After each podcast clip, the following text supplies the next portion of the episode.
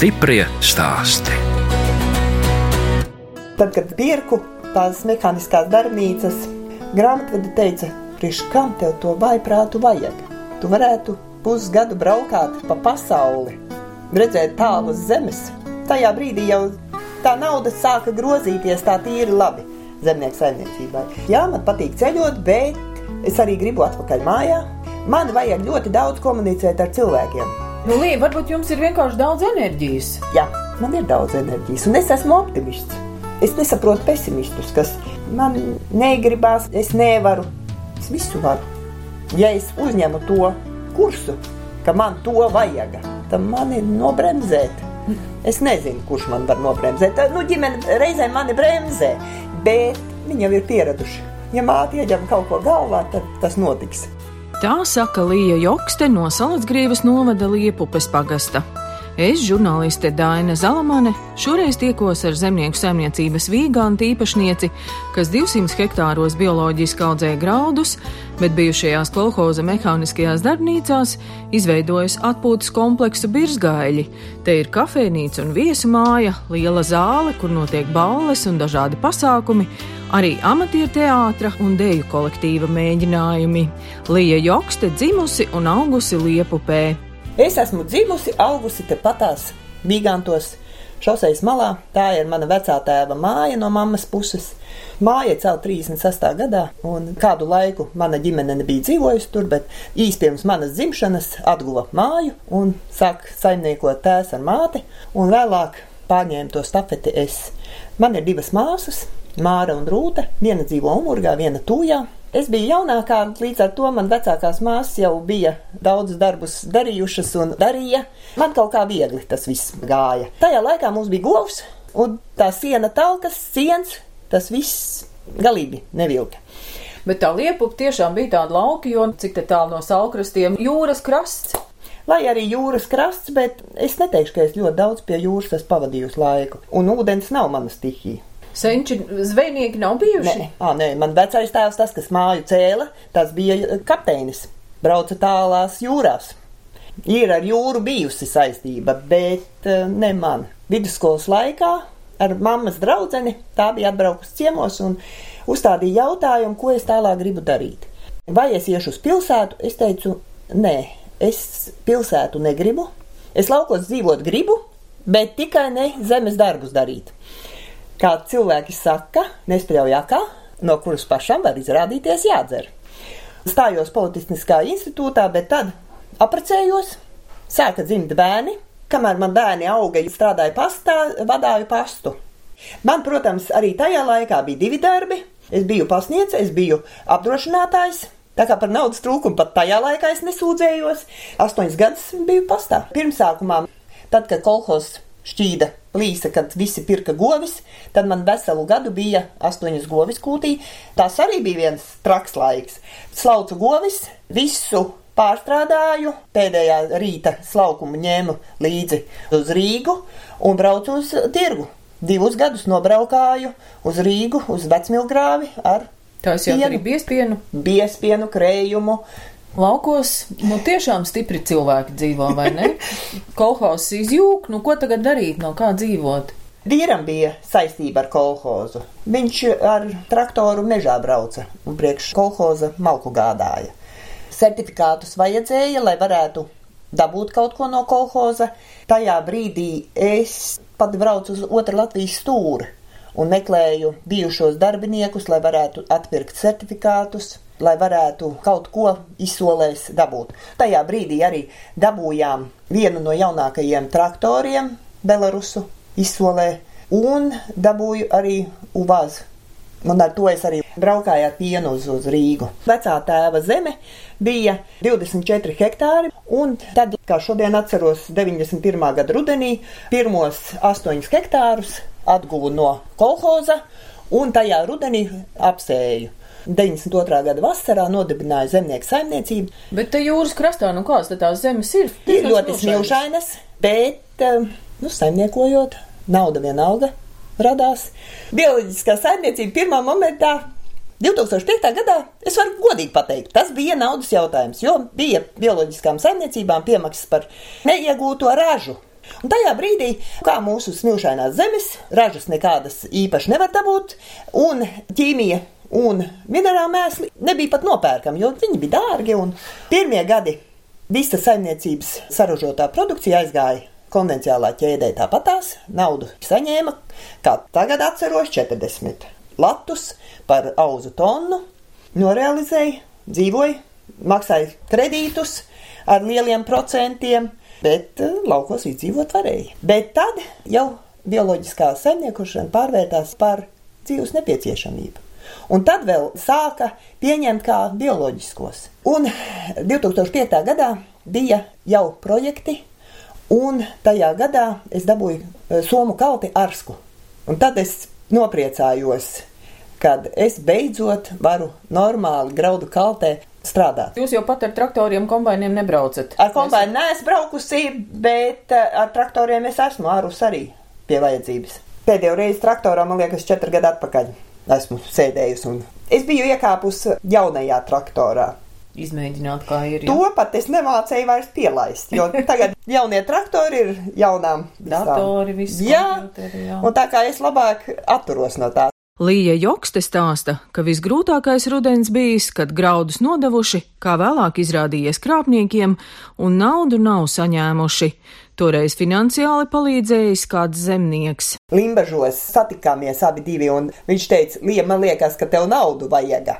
Es teicu, jā, vispār šausmīgi vajag. Un tā viņš man tajā reizē vienkārši aizdeva naudu. Tad arī bija zināms, ka subsīdijas nāks līdz pavasarim, es tev varu aizsist naudu. Bet kā var izkrāpt graudus? Fiktīva firma atbrauc, paņem graudus, pirmo pavadzīmi samaksā daļēji un brauc pēc nākošās kravas. Jā, viss būs labi, un tajā reizē paņem divas kravas un aizbrauc. Un tajā laikā jau graudu cenas bija ļoti lielas pār pa 20 tūkstošiem latos mums abiem ar dēlu vienkārši aizbrauca nezināmā virzienā. Iztiesāt neko nevar? Bija nodots kriminālajiem. Tur fiktīvas firmas aizmugurē. Mēs nebijām vienīgie. Tajā reizē bija izkrāpts gan alojas pusē, gan latgalē. Pa gadiem atkārtojās tas jautājums. Mēs vairs neesam tik lēticīgi, bet citi zemnieki neklausās uz to. Kad sola drusku lielāku naudu. Ja, un uh, iekrīt Tās redzamās firmas, tās neuzdrošinās šādā veidā darboties. Labi, tur mazliet kavējās naudas kaut kādu brīdi, bet tad arī kaut kādas sarunas notiek un kaut kas. 2003. gadā graudi neizauga, 2004. gadā izauga, bet nedabūja izkaltēt, kad ļoti daudz aizved uz mežu, atdeva zvēriem, un tajā brīdī kredīts jāmaksā. Un ko jūs darījāt? Es aizbraucu uz banku un tepat uz limužiem pie meitenēm. Teicu, Mīļās meitenes, vai nu piepalīdziet pārkreditēties, vai man ir jāpaceļ ķepiņas un jālaižās dibenā, bet zemniekam pat tas nav iespējams. Jo visa manta ir apķīlāta līdz dzīvojamai mājai, un ja tu laidīsies dibenā, tas nozīmē, viss tev pamats pazūd zem kājām. Un pārkreditēja? Pārkreditēja, dabūja vēl apgrozāmiem līdzekļiem kaut kādas naudiņas, un līdz ar to varēja izvilkt to ziemu, Pavasarī jau bija pirmās subsīdijas, un līdz ar to pavasarī varēja apsēties atkal un līdz tam rudenim kaut kā izvilkt. Tad vēl nāca graudu kalte klāt, un līdz ar to jau bija rudenī. Nu, tad arī tā dzīve tomēr tā pa tādiem viļņiem augšā. Pa viļņiem. Zemniekam vispār ir jārēķinās ar to, ka pirmkārt, tu esi ļoti, ļoti daudz atkarīgs no laika apstākļiem. Tu nevari ieplānot, nu neko, ka rudenī būs tik un tik tā graudu raža. Tev ir jāieplāno tas mazākais, kaut kāds minimālais. Un, protams, oi, cik labi, ja ir izaudzis vairāk nekā tas ieplānotais. Arī pagājušā gadā visi raudāja par to, ka sausums un ka ļoti maz graudi bija. Man kā bioloģiskam zemniekam to tā neizjutām. Jo, ja tu esi uzgāzis ļoti daudz ķīmiju, minerālmēsls uz tā lauka, un ja tu nedabūtu tās apakaļ, tev pat mīnuszīmē jau tajā brīdī ir. Nerunājot par to, ka tev ir maz tā raža ienākusies, katastrofa. Bet bioloģiskajiem tas ir mazliet citādāk, jo nav tik lielas tās ražas starpība. Stiprie stāsti.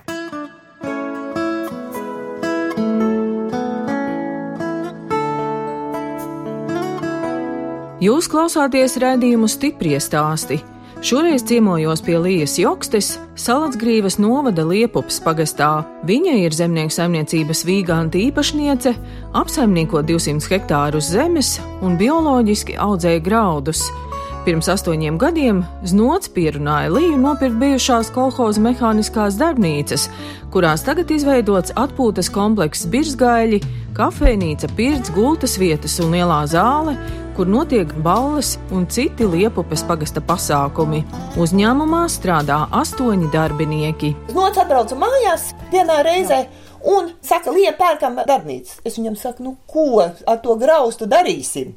Atbraucām tajā pašā dienā apskatīt. Es 20 uh, gadus nebiju darbnīcās, te iebāzu degunu, kaut gan blakām ir graudu kalde, kaut gan es blakām te pat dzīvoju, bet, nu, svešā īpašumā nav man ko darīt. Bet tad mēs tajā reizē izstaigājām, jo sludinājums atkal bija iekšā par pārdošanu, un tajā pašā vakarā mēs pieņēmām lēmumu, braucam meklēt īpašnieku, kas tajā laikā dzīvoja Ķekavā. Man pēc dažām dienām bija jābrauc uz Itāliju, atbraucu atpakaļ, Tajā brīdī jau man veikala īpašniece arī pasludina, ka viņa arī gribētu savu daļu pārdot. Līdz ar to man tas īpašums apvienojās vecajās robežās, kā viņš kādreiz bija bijis. Ar lauku veikalu iet briesmīgi. Mazs veikaliņš viens pats nevar izdzīvot. Ja cilvēks pats strādā veikalā, bet tā kā man pašai nav laiks tur strādāt, man ir divi darbinieki, viens viendien, otrs otrdien strādā. Pēc šī brīža nodokļu sistēmas tādam lauku veikaliņam nav iespējams izdzīvot. Un neteikšu, ka mums tas apgrozījums galīgi ir maziņš. Man ir doma jau pārņemt viņu zemnieku saimniecības paspārnē, tad vienkārši mēs viņu sponsorēsim. Cilvēkam ir vajadzīga tā dienišķā maize un dienišķais pieniņš un vēl kaut kas, nu, ir vajadzīgs katru dienu. Mehānisko darbnīcu remontu Līja sākusi, kad finansējumu varēja saņemt nelauksaimnieciskās ražošanas attīstībai startēju uz projektu sabiedriskā ēdināšana. Tā kā zemnieki pārsvarā visi ēdina savus darbiniekus, tad arī es visus gadus biju to darījusi. Man bija apnicis to darīt, jo tā nav mana stihija, ēst taisīt, bet dzīve piespiež vienkārši. Martā nosvinējām piecu gadu jubileju kā kafejnīca darbojās. Strādājam nevis kā kafejnīca, bet kā ēdnīca. Gan pašu darbiniekiem ir kur paēst, gan visiem apkārtējiem. Nu, droši vien tāpat, ja ir vajadzīgs kāds bērnu mīlestības. Jā, pēc tam sākām brīnīties, kur visi taisīja bērnu mīlestus un visas jubilejas un kāzus, kur viņi svinēja. Bija arī vajadzīga teātrim mēģinājuma zāle. Tad blakus tapa nākamais projekts caur līderu dabūja daļēju finansējumu, jo parasti biedrībām dod 90%, bet sakarā ar to, ka man blakām bija zemnieku saimniecības projekts, 60% bija Eiropas nauda, 40% bija līdzfinansējums. Gan manējais, gan zemnieku saimniecība. Tāds fakts gan nekur nav dzirdēts, ka zemnieks būvē zāli teātra mēģinājumiem. Jā, bet nu, es 12 gadus pati spēlēju teātri. Tad mēs pagastā mēģinājām, pagasta zālītē, skolas zālītē, bet nebija vietas, kur rekvizītus novietot. Iesim! Ārpusē ir terase. Rudenī būs pieci gadi kā šim projektam. Katru pirmdienu mums ir mēģinājumi. Tagad, ņemot vērā, ka šogad mums ir teātrim pat divas izrādes iestudētas visu ziemu, pirmdienās un ceturtdienās mēģinājumi. Tāpēc, kad man bija liels līdzfinansējums no zemnieku saimniecības, tad es varēju arī tās telpas izmantot dažādu pasākumu rīkošanai. Jo galu galā jānopelna apkurei, jānopelna elektrībai. Tālāk man ir vēl arī guļvietas, man ir pirts caur līderi projektā statējusi un tautstērpus sagādājusi deju kolektīvam Ulubele. Tajā reizē bija gan Lina tērpi, gan mūsu pašu tūjas tautas tērpi, balts ar zilām svītrām. Visi priecājās par mūsu dekolektīvu apģērbu. Vasarā man dekolektīvi no Rīgas jau ir nometnes rīkojuši. Deju festivāli tagad divi jau ir bijuši lielajā zālē. Nu, redz, te ir kamīna zāle. Jā, te ir kamīna zāle. Tā ir tā privilēģija, ka te visām telpām ir savas ieejas. Un līdz ar to ir bijuši gadījumi, ka četri pasākumi vienlaicīgi notiek un viens otram netraucē. Un augšā ir vēl guļvietas, ne kā viesnīca, bet taisnība pasākumiem un arī eh, nometnēm. Ir četras istabas, 25 gultas, tad ir matrači vēl. Manas dāmas! Labdien! Labdien! Nu, redz, kā būs kotletītes šodien pusdienās, ja? Mātās, ka es bumbuļi. Ā, nu atvainojiet, tik smalki nemācīja nosaukt. Nekādi salātiņi tur visādi Es sagriezti. teiktu tefteļi, bet tagad, ja pasaka tefteļi, tad neviens, Neviens pat, nezina. Neviens pat uh, negribēs. Jāiedod smalkāks nosaukums, un tad viss kārtībā. Tad ir viss kārtībā. Te būs ielā zāle. Dejo 12 pāru deju kolektīvus. Tādā sakarībā arī mums ir tie deju festivāli, kad piedalās 8, 9, 10 kolektīvi. Zāle ir pilna pār pa 200 cilvēkiem. Šogad 8. marta tūpju ballē bija mazliet vairāk par 300 cilvēkiem, bet nu, tas ir griezti. Balles man ļoti bieži notiek. Tādi līna aizkari savilkti. lai būtu akustika laba. Jo celtbetona konstrukcijas viss ir. Un tad akustika ir galīgi garām, kā jau sporta zālēs, bet vēl arī pie griestiem liksim audumu. Paskatīsimies vēl kādus koncertus, un tad varēsim spriest. Pirms tam bija mūsu izrāde Regīnas ezers savedējs. Un tad arī bija apskaņošana, beidzot ļoti laba, kad cilvēki varēja labi mūsu dzirdēt. Arī projekts man ir um, skaņa aparatūrai, desmit mikrofoni, plus lielie pastiprinātāji un pults. Un tas viss ir arī caur līderu projektu iegādāts. To naudu jums dod tāpēc, ka jūs ne tikai pati savām vajadzībām to izmantosiet, bet Protams, ļausiet izmantot arī protams. pagastu iedzīvotājiem. Pagasts iedzīvotājiem, jo es ļoti labprāt ar pagastu sadarbojos. Te ir kompaini mūsēja stāv. Nu, tad beidzot mēs esam mehāniskajās darbnīcās, ja? Viss zem viena jumta. Man pievienojās dēls ar savu saimniecību, nomas zemes devu viņam. Tajā brīdī man bija daudz vairāk, bet pēc tam es paliku uz 200 hektāriem. Tādi paši 200 hektāri man arī tagad ir. Un dēls tas aug ļoti strauji. Ar saimniecību, ar tehniku. Es varu tikai teikt paldies, ka viņš var teikt arī manu saimniecību uzpasē. Viņam ir zemnieks saimniecība Junīši, man ir zemnieks saimniecība Viganti. Nu, droši vien tāda drošības sajūta, vai ne? Ka dēls ir blakus, ja vajadzēs, tad palīdzēs. Protams, Mēs gājām cauri virtuvi, un jūs man rādījāt arī pavārīte, strādāja ilgus gadus pie jums. Jā, kafejnīcā ir pieci gadi. Viņa arī piecas gadus no pašas pirmās dienas strādā pie manis. Agita Bušmane. Ir taču ļoti svarīgi tie darbinieki. Ļoti svarīgi. Un mēs esam tā saimniecība, kas neimportē darbiniekus.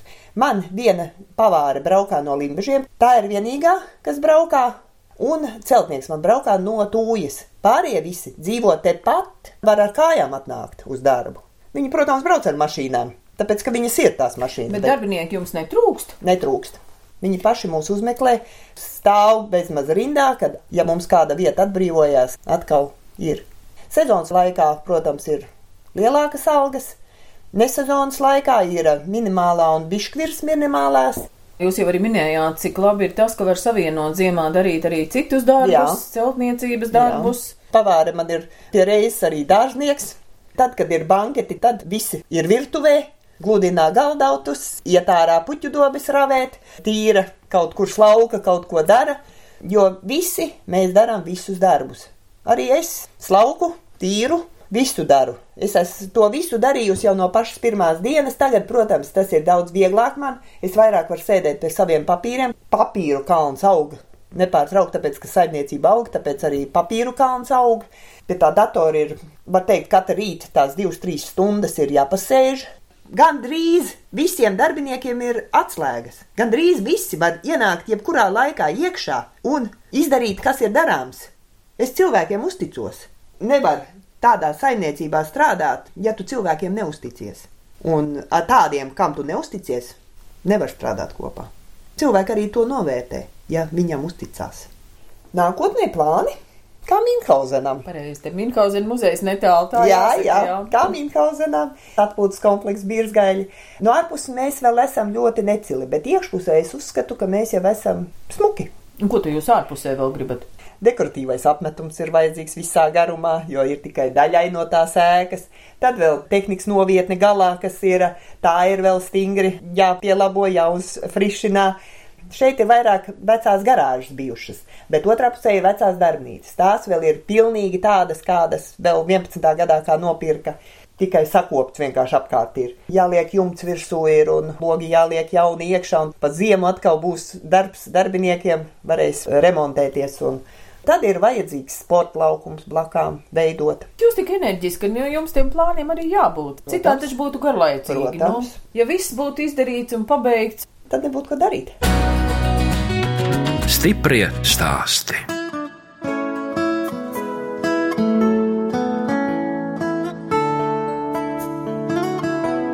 Skan raidījums stiprie stāsti. Turpinu ciemoties pie Lījas Jokstes, Salasgrīvas novada Liepupes pagastā. Līja ir stipra sieviete, kam nācies pārdzīvot arī divu bērnu zaudējumu. Viens maziņš, bet otrs 28 gados pats. Tā kā arī tas ir pārdzīvots. Meita Indra strādā grāmatvedībā Rīgā jau ilgstoši, amerikāņu firma. Un viņas vīrs ir būvnieks, viņš strādā celtniecībā kā vadošs darbinieks. Un mazmeita mācās ogles skolā, ogrē dzīvo. Sazināmies ik pa brīžam, meitas idejas pa brīžam uzklausu. Viņa man mācījās arī Balmieras mākslas skolā. Viņai tāds mākslinieckais piesitiens, un tad viņa man tādus idejas pasviež arī par šīm telpām, ko vajadzētu atkal pamainīt. Jūs jau stāstījāt par to zemnieku saimniecību, ka veiksmīgi ir sagadījies tā, ka dēls saimnieko. Jā, dēls ir agronoms. Vecākais dēls Baldis ir zemnieks, dzīvo netālu, skultes pagastā, abi ar sievu. Saimniecības ēka un pirts ir jau uzcelta, bet gatavojās māju celt. Un braukā šurp uz darbu. Pamatā viņš ir pārņēmis lauksaimniecību, gan savu saimniecību, gan manējo uzpasē. Sēž, novāc ražu ar darbiniekiem, labi komunicē. Un mēs kā liela ģimene darbojamies. Un agri dzīvo Vīgantos ar savu sievu un braukā darbā uz Rīgu. Viņi dzīvoja abi divi Rīgā, bet tad saprata, ka grib uz laukiem. Saprata, ka Rīgas dzīvokli īrēt ir dārgāk nekā no šejienes uz Rīgu braukāt un strādāt. Vedekla strādā pie manis kafejnīcā, kā oficiante. Nu, jums jau ir droši vien nomulīgāka, kā dzīvo ar jums, jo māja droši Protams, man ir liela divstāvu māja. Protams, ziemā ir apkure vajadzīga, tās pašas granulas kaut vai pat divām, trīs, četrām dienām reizes, bet viņas ir jāpiebēr. Un es, godīgi sakot, aizbraucu uz māju izgulēties vakarā. Kad darbs beidzās, un reizē vēl mēģinājumi ir, pēc tiem mēģinājumiem, tas jau ir ap 10, 11. Tad aizbrauc mājās, iekrīt gultā un no rīta atkal parasti ap 7, pusaustoņiem jau esmu darbā. Lai astoņos, kad nāk visi darbinieki, varu sagaidīt. Satieku arī Lījas jaunākā dēla agresīvu Elīnu Joksti. Viņa savu vīra māti raksturo tā. Enerģiska, apņēmīga sieviete. Viena no stiprākajām sievietēm, ko esmu redzējusi. Nu, kā tas stiprums izpaužās? Nu, paskatieties, kas te ir. Tomēr bišķiņ vajag uzņēmību un spēku vispār šo visu noturēt kopā. Zemnieku saimniecība, visur ir cilvēki un viss kaut ko grib. Un krusmāte tāpat tās gan teātrim skaitās, gan deju kolektīvam. Tas tomēr paņem bišķiņu laiku. Daudz laika. un spēku. Vēl šorīt no rīta mēs ar vīru ēdām brokastis, un, un cik bija pulkstenis kaut kādi pēc piecām, septiņiem no rīta, un Lija jau zvanīja telefons. Viena no spēcīgākajām sievietēm, ko es pazīstu. Līja jau stāstīja, ka jūs dzīvojāt Rīgā ar vīru, jā, Jā. kādu laiku. Jā. Nu, un kā ir tagad Liepupē? Mums abiem vienmēr ir patikuši lauki, es tāpat no laucienes, un tas tomēr tas, tas lauku ciems, privāta māja, tomēr bišķiņi Nu, jā, laikam liela māja, kur pietiek vietas. Pietiek vietas. Sunim, kaķim ir mums. Un tajā savā mājā jums kādas dobes arī ir? Puķes audzējat vai gurķus, tomātus? Nē, gurķis tomāts pasarg Dievs, nav ne laiks, ne gribēšana. Kādas dobes ir, bet tur pārsvarā ir ziemas cietas iekšā. Lai mazāk darba. Lai mazāk darba. Ar vedeklu pļauj. Ja citi saka, ka patīk tā zemes smarža un viss. Man zemes smarža patīk tad, kad arums ir. Arī ārusē esmu un fotografējis no traktora arot, kā kājas, pūces, vanagi gar traktoru riņķo un vēl kāds zaķis kaut kur skrien. Man ir ļoti daudz ceļojumu, jo viena puse Amerika izbraukta, otra puse Dominikānā pagājušā pavasarī biju, tad ir Āfrika izbraukta, tad ir Eiropa jau ir krustu šķērsu izbraukta un visur fotografēts. Pagājušā pavasarī izbraucu arī Čehu kalnus ar savu mašīnu, četratā. Tā mēs kopā esam izbraukuši arī Angliju, Skotiju, arī ar savu mašīnu. Man labāk patīk vai nu ar mazo busiņu, kad 8, 9 brauc, vai ar savu personīgo mašīnu, četratā. Es negribu lielos autobusus, lielos barus šīs atpūtas braucienos. Pa, piemēram, uz Ameriku braucot, es vispār atstāju telefonu uz galda mājās. Es vienkārši aizbraucu atpūsties. Ja nu gadījumā kaut kas, tad jau tagadējos laikos e-pastā var sazināties un vienreiz dienā pieslēdzās, apskatās, kas tur ir svarīgs. Kādreiz taču jāatpūšās no tā Ir- darba, taču ir nevar jāatpūšās. strādāt, ne, Ir tiešām, pa, piemēram, tālu aizbraucot, tu jau neko nevari līdzēt. Nav vērts sevi kurbulēt visu laiku. Man ļoti patīk pēc darba dienas iesaisties mašīnā un bezmērķīgi pat braukt. Un tad, kad es atšaknos, kad es esmu vienu laiku braukus, tad es paskatos, kur es esmu un braucu atpakaļ. Par to pašdarbību, nu kā jūs dzīvē ienāca amatieru teātris? Dibinājās pagasta amatieru teātris, un režisori arī mani uzaicināja. Es atceros pirmo izrādi, kad man bija jāiet ārā. Es biju pilnīgi bāla, var teikt, nespēju iziet gandrīz ārā, bet nu tā kā saņēmos un izgāju, tajā brīdī sapratu, ka tomēr spēlēšu un viss būs labi. Nu kādas lomas jūs dod? Tagad pēdējos gados man režisori dod īsas, bet tādas uh, jomas. jā, man tā liekas, ka Jā, jūs piestāvat. jo man laika nav mācīties. Es esmu pieteikusi, ka tu nu, tādas īsas lomas. Tagad pēdējā izrādē man pat ir jākaujās ar otru dāmu, dēļ viena vīrieša. Es klūpju matos vienai, un visi saka, ka labi esam notēlojuši. Tas teātris ļauj atslēgties no tām biznesa problēmām. Man nav biznesa problēmas. Visas problēmas ir risināmas. Teātris ir tas draugu lokus, ar kuru varu parunāties par visādām dzīves ķipelēm, Vēl par liepups pagastu izstāstiet, ko citi dara, vai citi arī audzē graudus. Liepus pagastā mēs esam trīs, četri lieli zemnieki. Tās mazās saimniecības sarūk. Protams, ir tādi mazie zemnieciņi, kas paši tikai strādā, darbinieki nav un paši sev nodrošina normālu dzīvi. Bet eh, tādas piemājas saimniecības ir, var teikt, likvidējušās.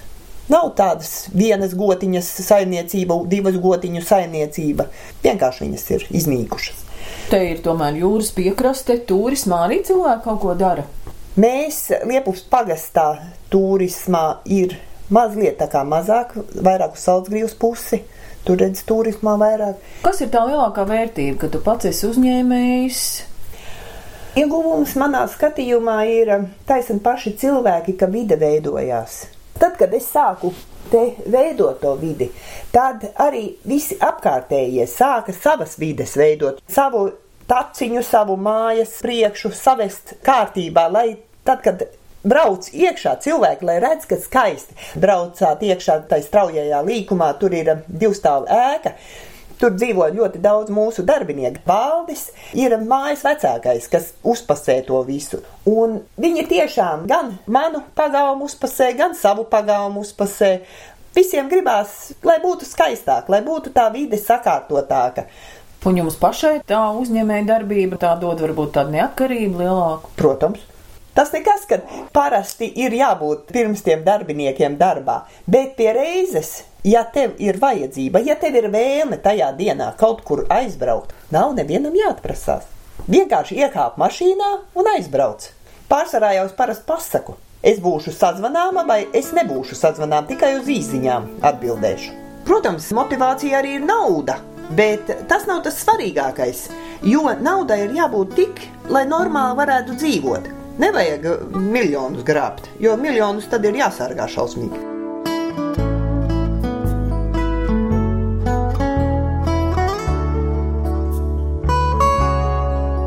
Redījums stipri stāsti izskan, un mēs atvadāmies no Lījas Jokstes, kas Salacgrīvas novada Liepupes pagasta zemnieku saimniecībā vīganti audzēja graudus, bet bijušajās kolhoza mehāniskajās darbnīcās izveidojusi atpūtas kompleksu Birzgaļi. Tur notiek daudzi pagasta pasākumi. Lijai pieder arī lauku veikals, un darbos palīdz arī vedekla un dēls.